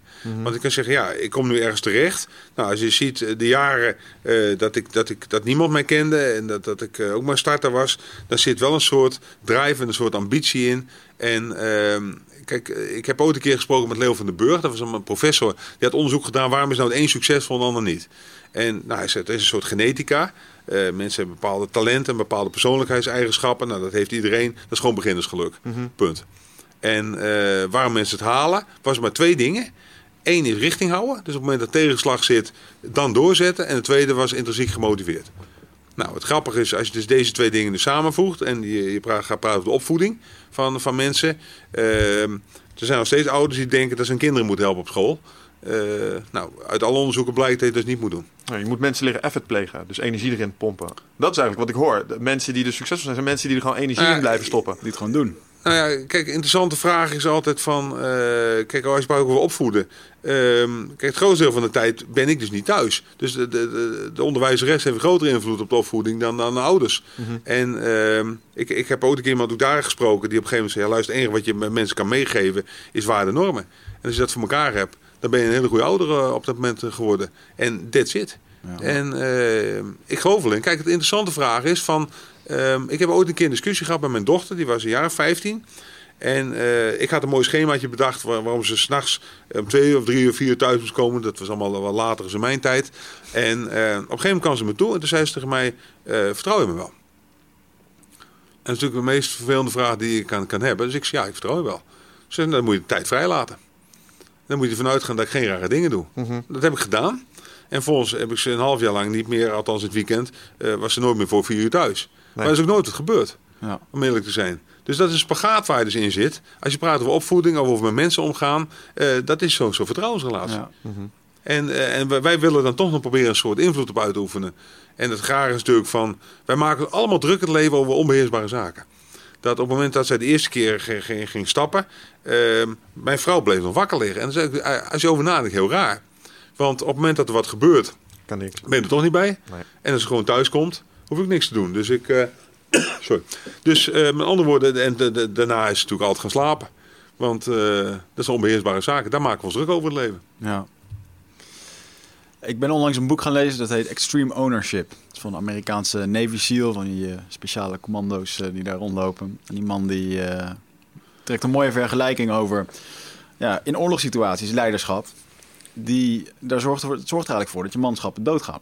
En je moet het ook terugvertalen naar je gezin of naar je bedrijfsleven. En daarin haalt hij ook aan inderdaad ja, een stukje vertrouwen in je manschappen. Of het nou je kinderen zijn of in je spelers. Ja, als je dat niet hebt, dan nemen ze voor jou ook niks aan. Nee. En dan gaat Klopt. het gewoon niet werken. Nou ja, dat Maar- sluit wel maar- aan bij iets wat een van onze andere gasten zijn, Bas Colli, zei. Er is geen betere manier om mensen ehm, de motivatie zeg maar, te smoren als ze gewoon te gaan lopen controleren. Ja. Want dan, oh, je vertrouwt mij toch niet. Eigenlijk is dat wat achter de vraag, oh, je vertrouwt me niet. Nou, dan ga ik Ja. me ook zo gedragen. Maar op het moment dat je het vertrouwen geeft, zullen mensen verantwoordelijkheid nemen. Ja, maar het, is, daar, daar moet je ook gewoon heel simpel over nadenken. Kijk, ik zit hier nou eh, in een uitzending. En hier om me heen werken nu 189 mensen. Ja. Ja, als die hun best dus niet doen, eh, dan werkt het niet. Dus met andere woorden, van, je moet hopen dat ze het allemaal goed doen. En ik kan dit ook allemaal niet controleren. Dus dat, dat leer je wel af hoor, ga ik je vertellen. Dus het, ik ben het er heel mee eens. En zo werkt het leven ook. Je, je moet een soort goede modus vinden. Kijk, en het is uiteindelijk zo dat eh, eh, als je nu verantwoordelijkheid weggeeft, doen ze het ook op, op de goede manier. Ja. En alleen het is interessant, van staat die deur op tijd open, kunnen ze wat vragen stellen. En mijn ervaring met, met, met coaching is dat ze al lang het antwoord willen weten, dat ze lang het antwoord weten. En dat ze even bevestiging nodig hebben. Je moet even de open deur intrappen voor ze. Ja, ze weten het lang. Is dat loslaten iets wat jij hebt geleerd met de jaren?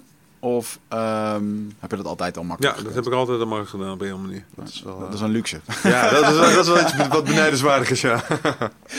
Ja, maar kijk, het is zo dat ehm, op het moment dat je dus lang in de sport of in de topsport werkzaam bent, dan eh, is het, eh, dat is het meest makkelijke vak om los te laten. Want eh, die- de, de mensen waarmee je werkt kunnen dingen beter dan jezelf. Want dan stond ik zelf op het veld. Ja. En dat ben ik dus niet. Dus je leert daar heel snel eh, anderen te laten functioneren. En dat kan op één manier. Vertrouwen geven en loslaten. Ja. Dus, dus de, de sportwereld of de muziekwereld zijn mooie voorbeelden. Want eh, ook een dirigent voor een orkest, die kan niet zo goed viool spelen eh, als de mensen die daar bij hem zitten. Dus die werken al heel snel met, met mensen die dingen beter kunnen dan zelf. Ja. En het rare in het bedrijfsleven is dat wij denken dat, we, dat, dat wij dus de dingen beter kunnen omdat het een ander soort werk is. Dat is flauwekul. Ja. Zelfs de schoonmaakster doet dat tien keer beter dan wie ook. En dan kan je een mening over hebben hoe we dat moeten morgen veranderen. Dat is allemaal flauwekul. Alleen in het bedrijfsleven denken ze heel vaak dat, dat ze het zelf wel beter weten. Ja. Dus laat ze maar eens weer in dit soort omgevingen werken. En daarom gaan ook heel veel van die mensen die in deze wereld terechtkomen, die gaan niet redden. Nee. Het is vaak wel een stukje ego, denk ik. Ik denk dat het ook wel een stukje bescheidenheid vergt om op die manier te kijken naar mensen om je heen. Dat je ze ook in je hoofd groter maakt als dat je zelf bent. Ja. En dat je dat ook gewoon omarmt. En dat je daar ook gewoon vanuit gaat als een basisuitgangspunt. Maar Nou we ja. zijn als mensen natuurlijk snel geneigd. Nou ja, je zei het zelf, we willen ons graag allemaal een beetje uniek voelen. En ook een beetje de held en dat soort dingen. Dus ja. Dan moet je ego op een laag pitje zetten soms. Ja, maar dat is de vraag of dat je ego is. Misschien wordt je ego wel tien keer groter als je loslaat. Nou, je groeit sowieso. Ja. Ja. Dus het is, het is allemaal heel wonderlijk als je er heel goed over na gaat denken. En we zouden met, eh, we zouden hier nog twee managers bij gaan zetten. En we zouden een dieptegesprek aangaan. Uiteindelijk eh, komen alle principes komen dus terug. Ook die mensen hebben twijfel. Die mensen hebben eenzaamheid. Wees ook niet helemaal zeker hoe, hoe het in elkaar steekt. En met andere woorden, met wie kunnen zij dan een keer fatsoenlijk praten? Dus met andere woorden, ik heb, ik heb ooit een keer eh, hadden we een, een soort seminar. En er waren eh, de, de Co Adriaan Sleur, Gert-Jan van Beek en Louis van Gaal. En er waren 400 eh businessclubs, allemaal ondernemers in die zaal. En die mochten allemaal wat vragen stellen. En een van de vragen die er op tafel kwam, en die werd aan Louis van Gaal gesteld, de vraag: Vindt u dat een coach ook gecoacht moet worden? En ik dacht heel eerlijk, als ik het eh, zeg, ik denk hij roept nee. Maar hij zei ja, absoluut. En toen vroeg diegene, die vroeg door, wie is dan uw coach? En toen zei nee, hij zegt, eh, jullie denken dat ik nu met één naam kom, maar dat is niet zo. Hij zegt, ik heb in mijn omgeving vijf, zes mensen zitten, die me net op het goede moment bellen als het even wat lastig is. En dan praat ik dan even een uurtje mee en onbewust coachen ze mij zonder dat zij het weten. Want dan, dan gooi ik ze onderwerp op tafel, dan kijk ik ze antwoorden, dan luister ik een keer. En het tweede wat hij erover zei, dat, is de, dat was de staftafel bij AZ. Hij zei, daar zit aan tafel, eh, er zit een, tweede coach, en er zat, eh, de, directie zit er wat bij, fysiotherapeuten. bij. Als ik een onderwerp had, waar ik niet helemaal zeker was, gooi ik het op tafel. Ja. En dan hoorde ik, luister ik eens goed wat iedereen zei. Dat dacht ik over na, volgende keer nog. Dus zij coachte mij zonder dat ze het wisten. En met andere woorden, iedereen heeft wel een aantal mensen in de omgeving... waar hij een keer, een keer mee kan bellen, Ja. of een keer wat mee kan gaan doen. En ehm, of het, waar, waar de twijfel of de eenzaamheid kan worden besproken. Dus op die manier eh, komen ze een heel eind. En dat, ja, dus als je dat allemaal combineert met wat ik vertelde over time management... over eh, coaching, over ehm, laat mensen functioneren... ja, dan krijg je zo'n bepaalde stijl op een gegeven moment... die dan bij mij past. Ik, ik hoorde jou eerder, je zei het woord eenzaamheid. Dat heb ik eerder bij jou gehoord in een interview. Dat het, eh, eh, de eenzaamheid van een coach, die is er ook zeker aanwezig. Op het moment Zeker. als het, zeker als het niet goed gaat. Ja. Heb je dat ervaren zelf? Ja, daar heb ik een aantal momenten van meegemaakt. Ik, ik, heb, ik, ik heb een keer gecoacht in. wij moesten de Europese kampioenschap in de finale in Eindhoven spelen. Ik was eerst dat ik bondscoach was van de volleyballers. En eh, toen gebeurde maar een van alles. de assistentcoach die, eh, die raakte de weg kwijt. Ik zat daar in, die, eh, in een zaal met 7000 man. live op televisie. En die finale van het Europees kampioenschap.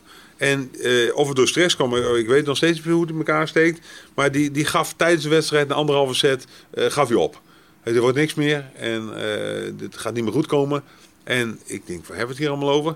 Eh, dus ik denk, zit ik met 7000 man? Ja. Eh, dus die raakte kwijt. Vervolgens waren er één of twee spelers die in de tweede set ook niet meer zagen zitten. En toen heb ik echt een moment gehad dat ik echt vijf minuten had. Denk van jongens, oké. Dus de assistentcoach ben ik kwijt. En we hebben niet zoveel op de bank zitten bij, bij, bij volleyballen. Nee. Dus alleen een fysio en een dokter.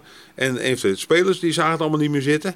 En toen heb ik echt bij mezelf eh, alles bij elkaar geraapt. Ik, nou ja, ik weet niet wat hier allemaal gebeurt. Dat was eenzaamheid, kan ik je vertellen. Ja. Eenzaamheid met 7000 man om je heen. Ja. Om even te vertellen.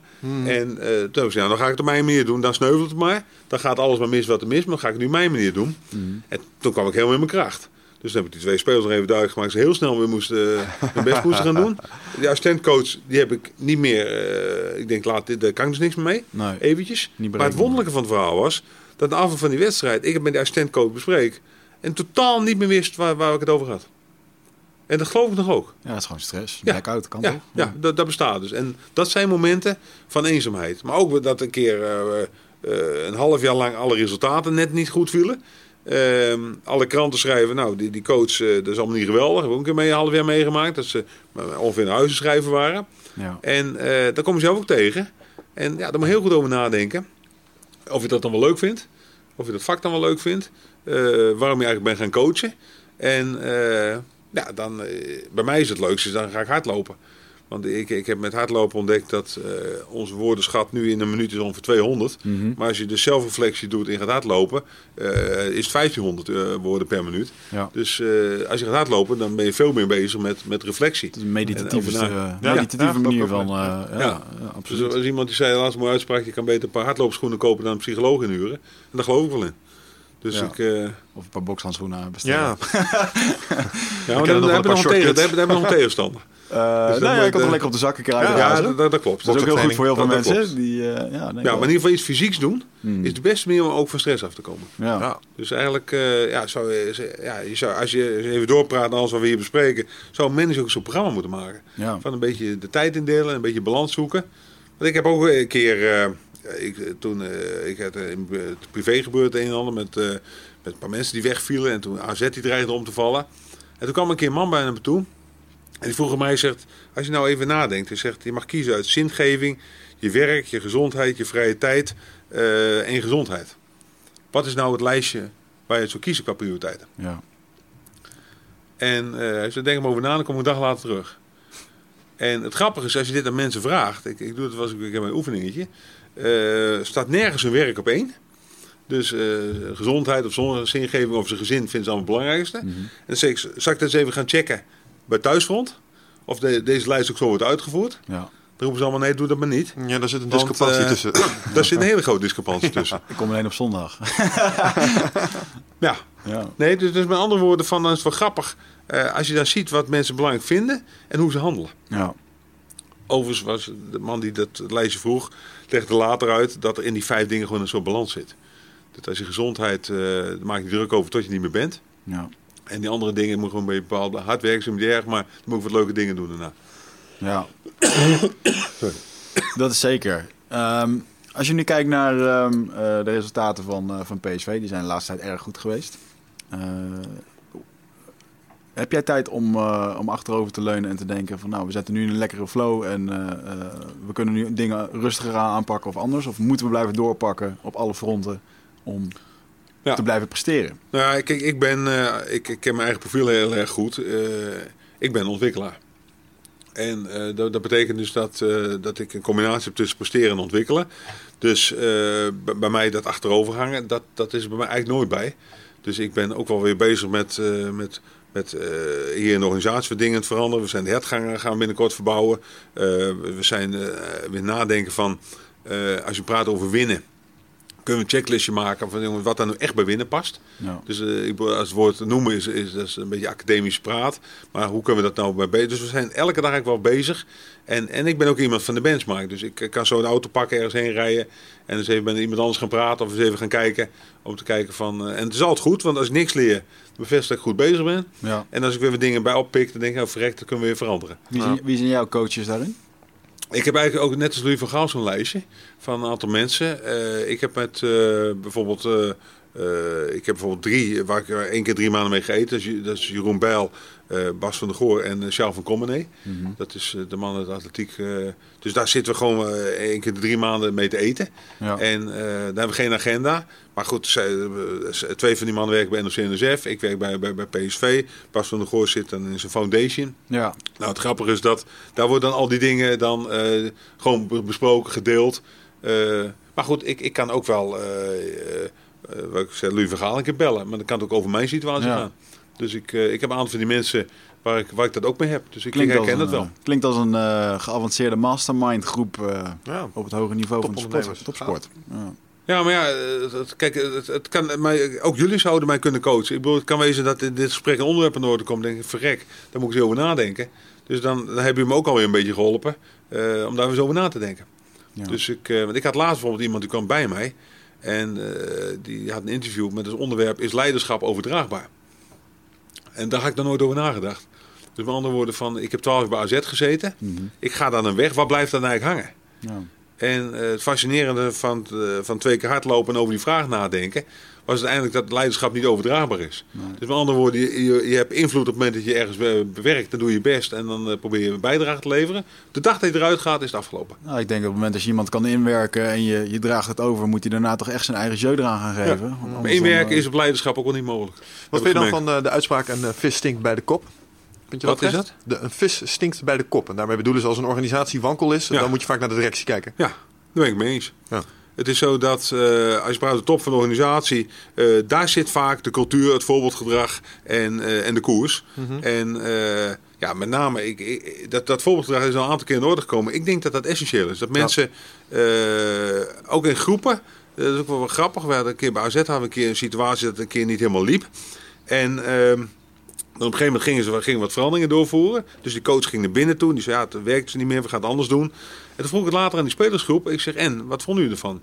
En die spelersgroep, oh, ze dat wisten al vier weken. Alleen die coach had er vier weken nodig om erover na te denken.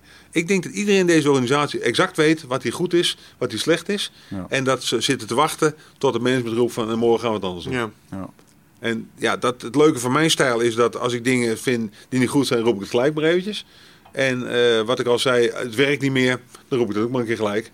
En dan, eh, dan weten mensen vaak in de organisatie lang hoe het in elkaar steekt. Ja, lekker transparant. Ja. Dus, Ja. Dus, het, dus het is vaak ook de top die twijfelt. En die nog denkt van, het is niet consequent of ik ga het morgen anders doen. Terwijl de hele organisatie het doorheeft. Ook als er soms iemand uitgaat, dan krijg je later weer, oh, het wist wel aan. Dat klopt niet. Hoe eh, voorkom jij twijfel? Want jij bent heel erg van visie en, eh, en beleidvorming. Hè? Dat is de, de backbone van je organisatie. Ehm, Ik, ik voorkom geen twijfel. Het is zo dat, ehm, ik, ik had hoorde de laatste keer een hele mooie uitspraak. Als je niet meer twijfelt, denk je niet meer na. En dat vond ik wel een mooie. Dus met andere woorden van, als ik alles zeker begin te weten, dan moet je me wegsturen. ja. Dus ik, eh, het is ook een kwestie van nadenken over, eh, over, over, over twijfelen. En dat is een combinatie met elkaar. Dus ik, ik, ik twijfel heel veel. Alleen ik heb wel al, eh, ik kom vrij duidelijk en krachtig over op een aantal dingen. Dat weet ik van mezelf wel. Maar de- het fundament ervan is twijfel. Dus met andere woorden, van, dan moet ik soms vier keer hardlopen om een onderwerp bij de kop te pakken. Hoe moet ik dat nou doen? En dan ga ik nog een keer nadenken, nog een keer, nog een keer. En op een gegeven moment dan valt het muntje. Ja. En als dat muntje dan valt, dan roepen we, die, kant gaan we op. En dan check ik dan wel even of het, of het effect heeft wat ik gedacht heb dat het zou hebben. Maar die, eh, het is gebaseerd op heel veel twijfel. Ik vind het wel mooi dat jij eh, dat rijpingsproces, dat sommige ideeën krijgen om besluiten te nemen, heeft. Dat je dat daarmee ook onderkent. Ja. Want heel vaak zie je mensen, ja, ik, ik moet het besluit maken. ik moet het- maar je moet snappen dat dat soms gewoon echt Nee. even verwerking nodig heeft. En dat het kwartje uiteindelijk Ik, vanzelf ik zeg wel ook heel vaak tegen mensen als ze bij me iets vragen, zeg, daar moet ik even over nadenken. Oh. En eh, kijk, een ervaring is dat je wel een aantal dingen in leven hebt, een aantal dingen niet slim gedaan. Ik denk dat gebeurt geen tweede keer meer. Dus ervaring is heel veel fouten maken, maar dezelfde fout maar één keer. Ja. En, eh, en wat ik daaraan koppel is inderdaad soms iets beter nadenken. En ik, vroeger gaf ik snel antwoord op een vraag. En tegenwoordig eigenlijk niet meer. Ik denk, ja, moet ik zo, die vraag over het leiderschap, daar heb ik er lang over nagedacht. Denk van, en misschien heb ik vroeger eh, op jonge leeftijd wel een snelle mening gehad daarover. En nu denk ik erover na. Denk, ja, dat is eigenlijk een slim onderwerp. Ja. Misschien wel een, ehm, ook even met een schuin oog eh, op de tijd kijken. Misschien wel een leuke eh, afsluitende vraag eh, voor je. Als je nou, je zegt nou, iets, iets ouder, iets rijper geworden. Als je nou terugkijkt naar ehm, bijvoorbeeld toen je net begon met klimmen in, in je carrière. Wat zouden nou echt de tips zijn die je jezelf in die tijd nog een keer even teruggeven? Als je jezelf een mailtje kon sturen. Hé gast, deze dingen, doe daar wat aan. Nu je wat verder bent. Nou, het is zo dat ehm, de grootste les die ik eigenlijk zelf gehad heb, is dat eh, als ik het even in één zin zeg, hoe ouder je wordt, hoe meer op jezelf gaat lijken. En dat betekent dat als je jong bent, dan denk je heel veel dingen kan. Dus dan denk je van nou, ik kan heel veel. En op een gegeven moment heb je door dat je ergens goed in bent. En dan komt steeds dichter bij elkaar. En op een gegeven moment denk je, ja, hier, moet maar mee doen. Dit ben, hier is mijn kracht. Dus ik weet heel goed wie ik zelf uiteindelijk ben. En als je jong bent, dan denk je, ja, ik kan dit wel proberen. Dan stoot je je neus een keer en denk je, ja, dat moet ik niet meer doen. En, eh, maar dat proces, daar moet je wel doorheen. En eh, dus naarmate je ouder wordt, ik denk dat het eigenlijk een soort spreekwoord moet worden. Ouder je bent, hoe meer op jezelf gaat lijken. Bij deze, Dus ik, eh, dat zou mooi zijn voor de, voor de vandalen. En dat geldt eigenlijk voor iedereen. op een wandtegeltje. Want op een gegeven moment, ja, jullie, jullie doen dit. En op een gegeven moment ben je misschien wel zo goed erin. En jongens, luister, ik wil nog heel veel dingen doen in mijn leven, maar laat ik dit maar doen. En eh, misschien dat de tv het oppikt, of misschien dat, dat, dat, dat de radio het oppikt. Dus op een gegeven moment heb je door wie je bent. BNR Radio pikt ons van de week op. Ja. Dus dat was goed. Leuk. Ja, een interessante vraag is ook van, eh, en dat durven ook heel veel mensen uit, te- uit te spreken, zeker in Nederland, is eh, wanneer, wanneer er bij jullie sprake is van succes? Want dat is een vraag die ik als eerste stel aan de organisatie. Wat is succes? Subjectief, toch? Ja, maar het grappige is dat je, jullie zou het moeten benoemen. Mhm. Want jullie zijn begonnen ooit met 0 en heel 250.000 eh, m- mensen die onze kinderen naar ons luisteren. Ehm, maar is dat succes? Dat is gevierd, zeker. Voor ons Ja. wel. Nou, ik denk het Maar- wel. Ik denk dat maar succes is de- maar is voortgang dat is. Voortgang. Het boeken van voortgang op je gewenste doelen. Ik denk dat dat succes is. Als Maar je dat goed, doet, maar we we staan nu in 2016. Als ik nu zou vragen, aan het eind van het jaar. Hm. Want in sport vindt iedereen het zo makkelijk als we dat roepen. Ik zeg, wanneer is nu in dit jaar voor jullie sprake van succes? Ja. Eh, Misschien hoeven we daar nu nog geen antwoord op te geven als je niet weet. Oh, Net als ik ze even over nadenken. Ja, wij werken wel redelijk gestructureerd in dat opzicht. Wij werken met roadmaps en dat soort dingen. We schetsen ook uit waar we over een paar jaar willen staan en wat dat dan betekent in Ja. termen van eh, subdoelstellingen en dat soort zaken. Maar, maar eind van het jaar, even concreet voor iedereen die nu kijkt. Met eindbasis sowieso eh, willen we zo dicht mogelijk tegen de 100 eh, afleveringen aanzitten. We hebben een lijstje met gasten die dan sowieso in de studio zijn geweest, waarbij de meest prominente André Kuipers is. Over een miljoen downloads moeten we kunnen Ja. halen. En eh, we zouden graag eh, wat financiële steun in de vorm van sponsorschap eh, erbij willen betrekken. En eh, uiteindelijk dit gaan uitbouwen met eindbazen evenementen. Eh, dat er ergens een soort van eh, ja, financiële flow uit moet gaan komen. En, maar, maar als, jullie, als ik jullie nu bel aan het eind van het jaar. mm, eh, haal- heb je dan 100 gehaald? ja, zeker. Oké. Is André Kuipers geweest? Ja, Ja. 100%. En een miljoen downloads? Ja, 100%. Ja, die halen we als eerste Nou, zelfs. die, ja, ja, ja. die gaat als eerste. Ja. Dat is het belangrijkste. Nou nee, maar die zal er als eerste aangaan als mijlpaal. Want het gaat heel hard met de hits. Oké. We houden dat in de gaten en die zie ik groeien. En dat is een mijlpaal, daar weet ik redelijk zeker van. Als we deze groei doorzetten, Ja. dan tikken we hem aan halverwege dit jaar al. Oké. Dus. Nou, dan gaan we het einde van het jaar checken. Dat, Leuk. dat, dat, dat is nou topsport. Ja. En dan kijken we het einde van het jaar het niet haalt. Dan ga je moet je evalueren hoe dat niet komt. Dan moet je daar een uitzending voor jezelf over maken. Ja. Ja, dat is wel een mooi idee. Zullen we nog een keer terugkomen hier? Maar mogen we dan nog een keer terugkomen om te mag. vertellen of het gelukt is? Dit Dat mag. Dit uurtje Dan was ga, dan wel ga ik de vraag aan jullie stellen. Ja, leuk. top. Hebben deze afgesproken. Voor deze afgesproken. De 101ste aflevering hebben we deze... Dat weet ik niet, want het is eind van het jaar. Oh ja, maar die, nou, maar die halen we wel. Oké. We zullen wel moeten nu. Jullie staan op 27, of 28, toch? Nou, we hebben wel wat meer opgenomen. Oké. Ja. Dus, eh, maar we zitten nu op de 32. En eh, we proberen Dus wel- elke week één haal het niet. Nee, dat zat ik, ik zat net al mee te rekenen. Dan moeten we er twee per week gaan uitbrengen. Ja, maar soms doen we dat bedoel ik. Ik heb het niet bedacht, de doelstelling. Nee, nee, maar, dat is eh, waar. Soms nemen we er twee op een dag op en dat, dan moeten we eraan trekken. Maar eh, Ja. We gaan ook internationale gasten doen en zo. Dus eh, we komen hierop terug. Ja, leuk. En André Kuipers? Er wordt nummer 50. Is het Oké. plan. Heeft hij dat toegezegd? Ja, 100, aflevering 100 heeft hij toegezegd. Maar we zijn inmiddels eh, iets eh, verder zijn netwerk binnengedrongen. We kennen wat mensen die hem ook persoonlijk kennen. En die zijn ons al een beetje onder zijn aandacht aan het brengen. Dus we willen hem het liefst bij 50 al proberen te Maar pakken. eigenlijk is dat ook een beetje raar. Op deze manier met elkaar erover praten. Want ik zeg gewoon toe en ik vraag niet of het de 50 of de 100 uitzending is. Mhm, Want jullie hebben een plan enzovoort. Dus ander, eigenlijk moet André Kuipers zeggen, ik doe het of ik doe het niet. mhm. En dit hem uitkomt, plaint gewoon toch? Ja, dat is waar. Of is, of hij, is hij eh, 35 bijzonder, kan worden. of is hij bijzonderder dan de rest van Nederland? Nou, dat is niet waar. Maar hij is wel een soort symbool voor ons. Omdat we ooit hebben gezegd, als we dit gaan doen, wat zou het gaaf zijn als ons dat zou lukken? En nu begint het eh, erop te lijken dat dat gaat lukken. Dus op het moment dat we die meneer tegenover ons hebben zitten, hij eh, heeft misschien wel, ehm, ik wil niet zeggen dat jij minder interessante dingen hebt, maar omdat we ooit eens een keer zijn begonnen om te zeggen, hey, als we dat voor elkaar zouden krijgen, dan is het echt heel erg goed gelukt.